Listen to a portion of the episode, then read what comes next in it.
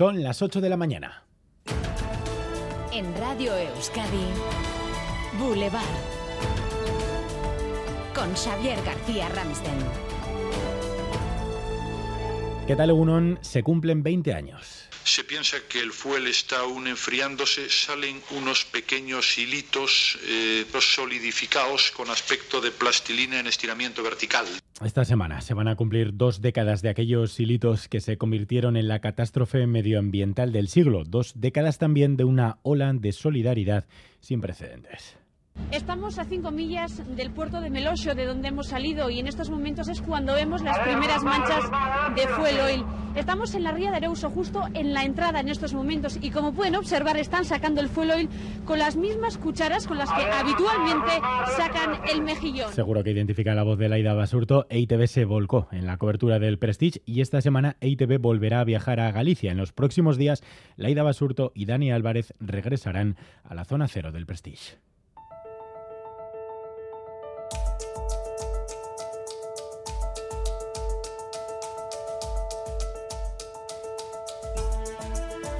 Entramos también en la semana del Día de la Memoria, el próximo jueves 10 de noviembre, y lo hacemos este año condicionados por las confesiones del exministro del Interior, José Barrio Nuevo. María estuvo detenido nueve días por un grupo de la policía española que es verdad que se equivocaron. Y efectivamente yo cuando me enteré digo que hay que soltarlo, porque claro, la alternativa de cuál era. En declaraciones al diario El País, Barrio Nuevo ha reaparecido para admitir 40 años después, sin sonrojarse, más bien todo lo contrario, la guerra sucia de los GAL. PSOE y PP guardan silencio, no así Gobierno Vasco, EH Bildu, Podemos o algunas víctimas. Sonia Hernando. Y la mayoría lo han hecho precisamente para emplazar al PSOE y a Pedro Sánchez a posicionarse claramente sobre la guerra sucia. Lo ha hecho la consejera Beatriz Artolazábal, también la izquierda Berzale, que pide una declaración del Estado asumiendo que la guerra sucia nunca debió de suceder.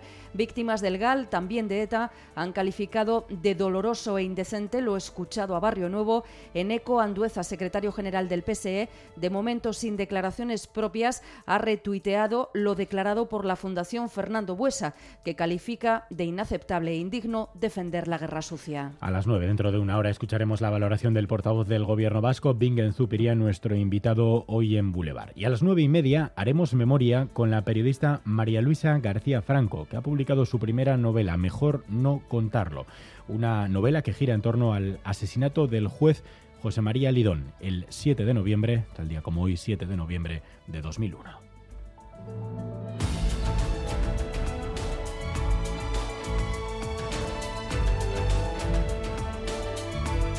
Atención esta mañana, usuarios de Renfe, porque hoy es el primero de los dos días de huelga convocados para esta semana por el sindicato CGT en protesta por la pérdida del poder adquisitivo de los trabajadores. Buscamos la foto a esta hora en directo en la estación del norte de Donostia, Laida Basurto, Egunon. Egunon, menos viajeros que un día normal a esta hora, porque, por ejemplo, el próximo tren dirección Brincola en las 8.17 no va a pasar. De hecho, de los siete trenes que habitualmente paran en San Sebastián, en, en, esa dirección, a primera hora antes de las 8, solo han parado tres. Los servicios mínimos establecidos en cercanías son del 75% en hora punta y del 50% el resto de la jornada. Y el viernes, nueva jornada de huelga en Renfe. Hoy hay huelga también en Vueling y este mediodía sabremos si vuelven las huelgas de los transportistas. Leire García. A partir de las 12 ha convocado una comparecencia la plataforma en defensa del transporte. Convocantes de la huelga del pasado mes de marzo en Álava y Vizcaya aseguran que no se están respetando los acuerdos alcanzados hace ocho meses. En mayor medida, sí se están cumpliendo, dicen otros portavoces en Guipúzcoa o Navarra. Además, en Móstoles se investiga un doble crimen machista ocurrido esta pasada noche. Se trata de una mujer de 29 años y su hija de 6 fallecidas tras ser agredidas con un arma blanca. Un hombre de 39 años, pareja y padre de la menor, respectivamente, permanece ingresado en estado grave, ya que al parecer intentó suicidarse. En la Audiencia Provincial de Cantabria, hoy se espera que declare la acusada de decapitar a su pareja en Castro Urdiales. Tras la elección del jurado el pasado viernes, en septiembre de 2019, la cabeza de la víctima apareció en el interior de una caja que había pedido a una amiga que le guardase. La Fiscalía y la acusación particular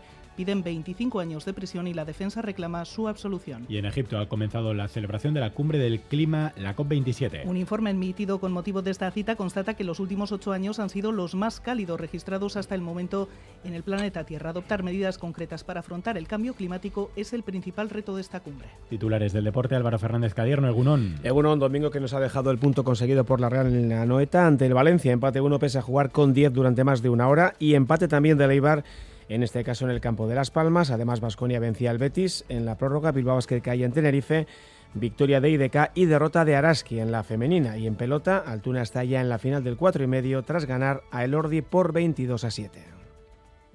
Boulevard. Lural de Bus nos ofrece la información del tiempo. Lural de Bus, a donde vayas, vamos contigo. El día que va a estar hoy marcado por el viento sur, Euskalmet y Yonander Arriaga Egunón. Caixo Egunon, hoy el viento sur va a soplar con fuerza y el día va a ser estable y claro.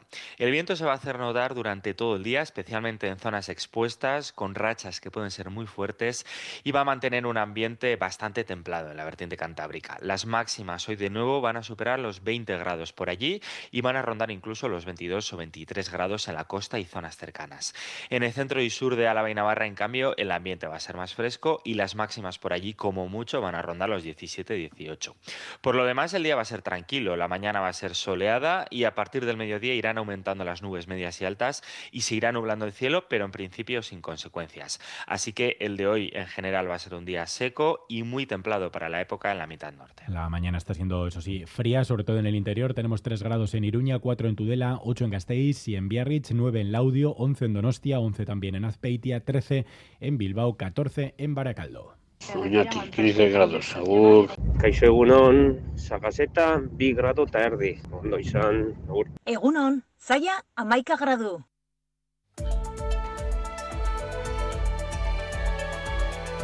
Boulevard. Tráfico.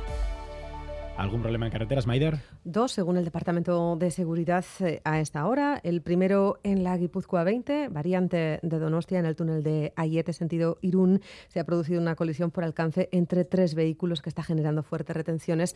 Ténganlo en cuenta. El segundo punto a destacar, en la A1 en Barrundía, sentido Gasteiz, se ha producido una salida de calzada de un turismo y un carril está cortado porque continúan realizándose las labores de limpieza. Turno de tarde en el hospital. Ocho horas me esperan.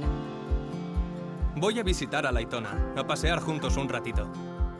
Con las amigas al teatro. ¡Qué ganas tenía ya! Porque la vida vuelve y el transporte público es vida, en Lural de Bus, donde vayas, vamos contigo. Ayúdanos a mejorar nuestra información con tus comentarios, fotos y vídeos. Envíalos al WhatsApp de Radio Euskadi 688 840 840.